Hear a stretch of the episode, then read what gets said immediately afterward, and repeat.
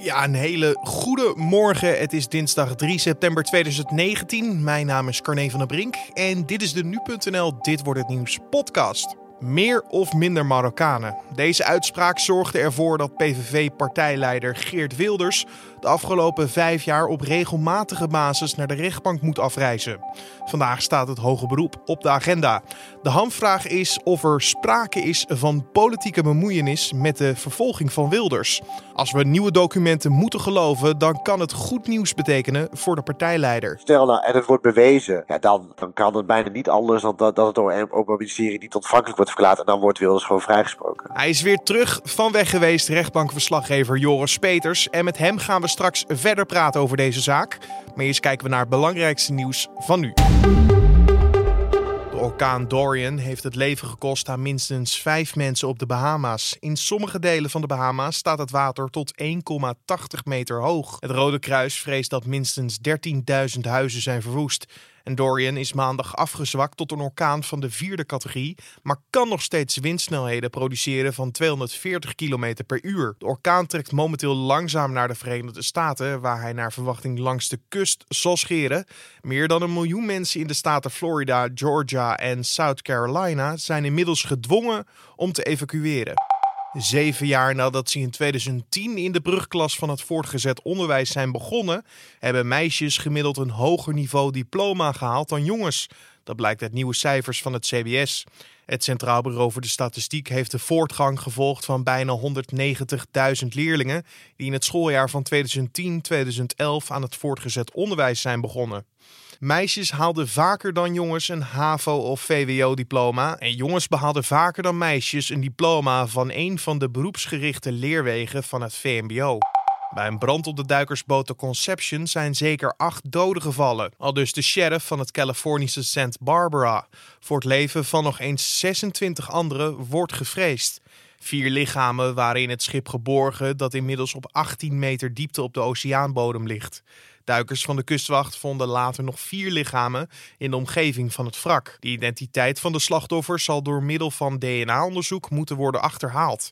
En de 23 meter lange boot is ter hoogte van Santa Cruz Island in de problemen geraakt. En het is niet bekend hoe het vaartuig vlam kon vatten. Volgens lijkt het erop dat de opvarenden op een driedaagse duiktrip waren en verreweg de meeste van hen sliepen in de kajuit toen de brand uitbrak.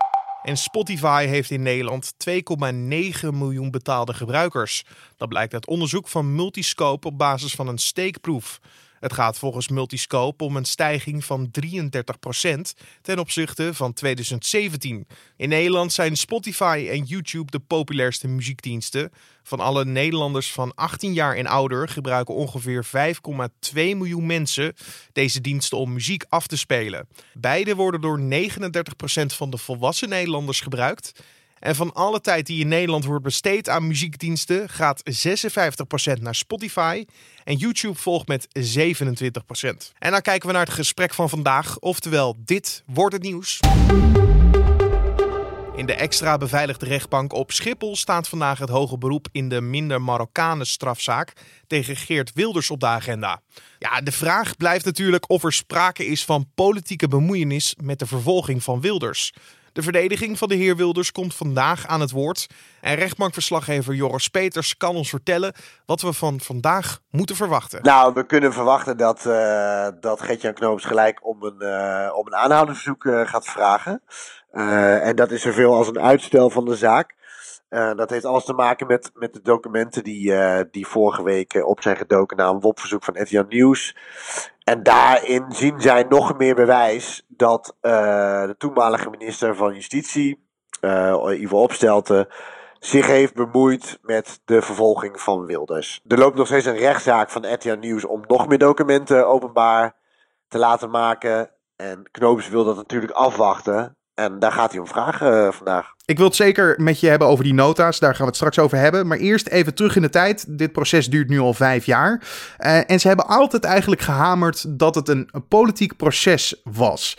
Waarom vinden ze dat deze zaak altijd een luchtje had? Ze hadden heel erg het gevoel dat Wilders werd vervolgd om wie die was. Niet zozeer wat hij uh, had gezegd. Ze hebben wel eens vergelijking getrokken met andere uitspraken van bijvoorbeeld PvdA-leden of van, van Pechtold over Russen. En toen wezen ze zo van, oké, kijk, die zijn ook niet vervolgd, waarom ik dan wel? Nou, dat, en Wilders heeft heel het gevoel, omdat ik Wilders ben, ik ben natuurlijk een lastpak voor de politiek.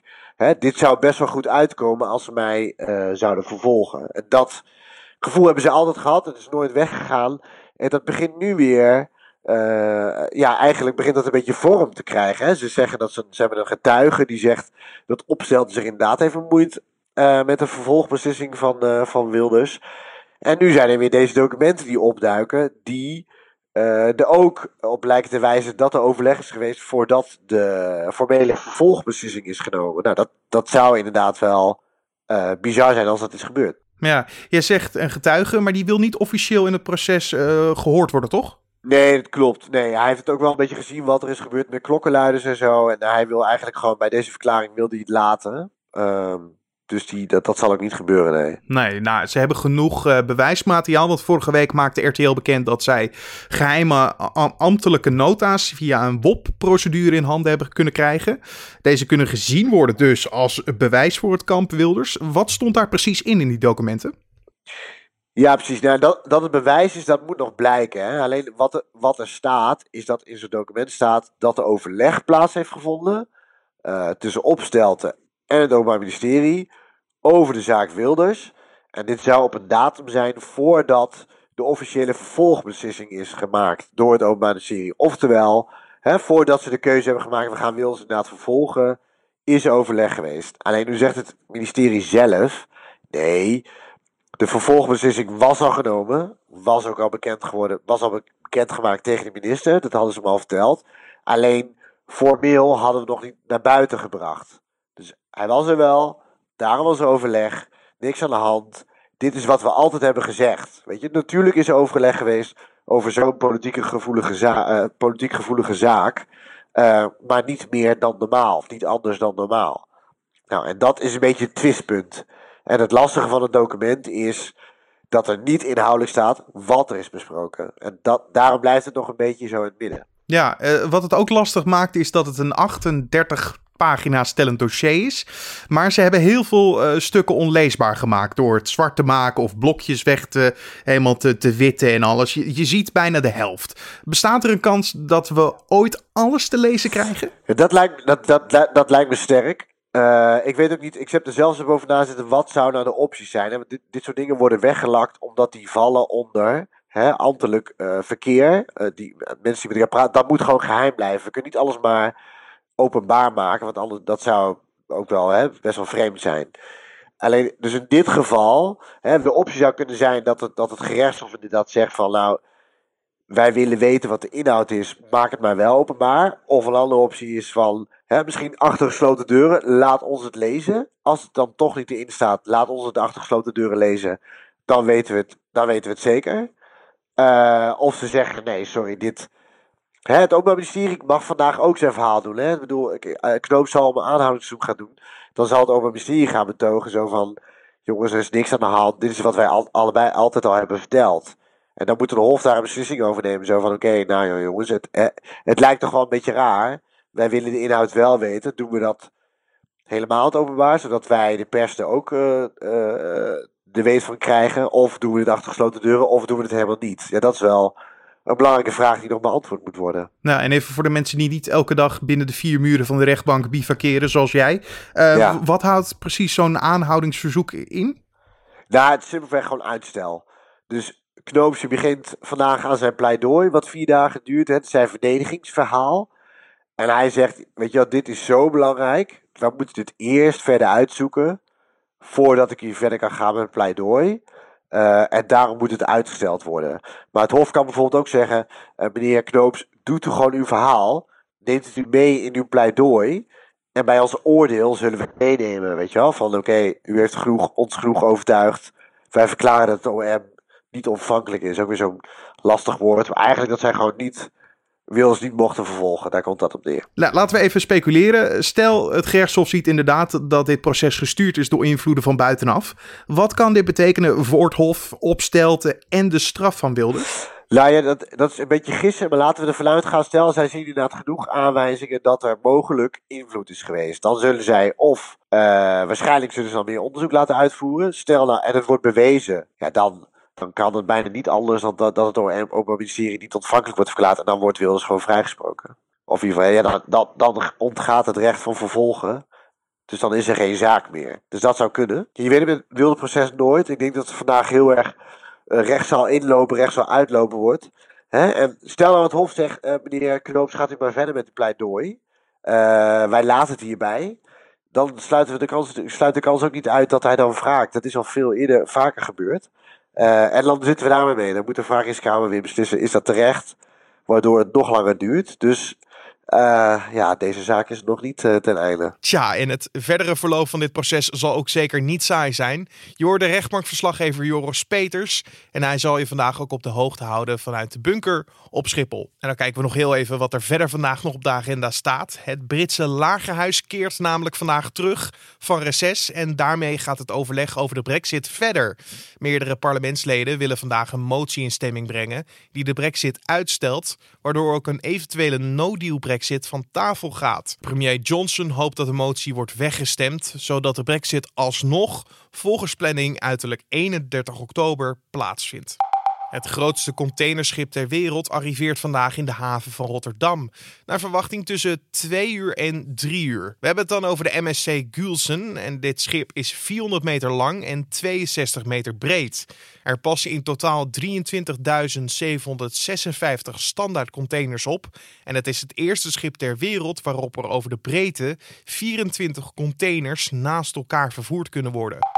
En in het Abel Lenstra stadion in Heerenveen trappen de Oranje Leeuwinnen om 8 uur af tegen Turkije.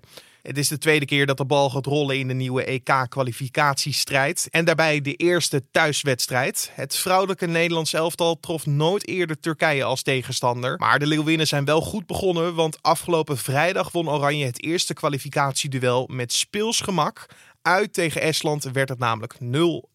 En dan nog even het weer. Vandaag schijnt de zon af en toe, maar de bewolking overheerst. In de namiddag en avond wordt het droog en de temperaturen schommelen vandaag tussen de 19 en 23 graden. En om af te sluiten nog even dit. De familie Meiland, bekend van het SBS6-programma Chateau Meiland, oriënteert zich op de Frans ontroerend goedmarkt om eventueel te verhuizen naar een ander kasteel.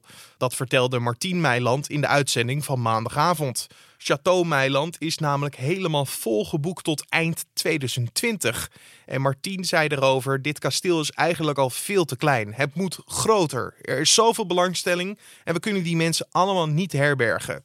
We kijken erom rond naar iets anders, want het huidige kasteel is ook wel aardig groot. Maar als we iets leukers en beters vinden, dan weet je het niet met ons. Chateau Meiland is een reality-serie rondom de gelijknamige familie die een bed and breakfast in Frankrijk op hebben gezet. En Martien en zijn vrouw Erika deden in 2006 al mee met het programma Ik Vertrek, waarin ze een kasteel om wisten te bouwen tot een succesvol hotel. En na twee jaar besloot de familie wegens heimwee terug te keren naar Nederland. Maar nu zijn ze druk bezig met hun eigen bed and breakfast in Frankrijk. En je kan zeggen met groot succes. En dit was dan de Dit wordt het nieuws podcast voor deze dinsdag 3 september. Je kan ons laten weten wat je van deze podcast vindt. Heel simpel door mailtjes te sturen naar podcast.nu.nl. Alle feedback of misschien nieuwe input voor de podcast nemen we mee. Die bespreken we dan samen en kijken of we er iets mee kunnen.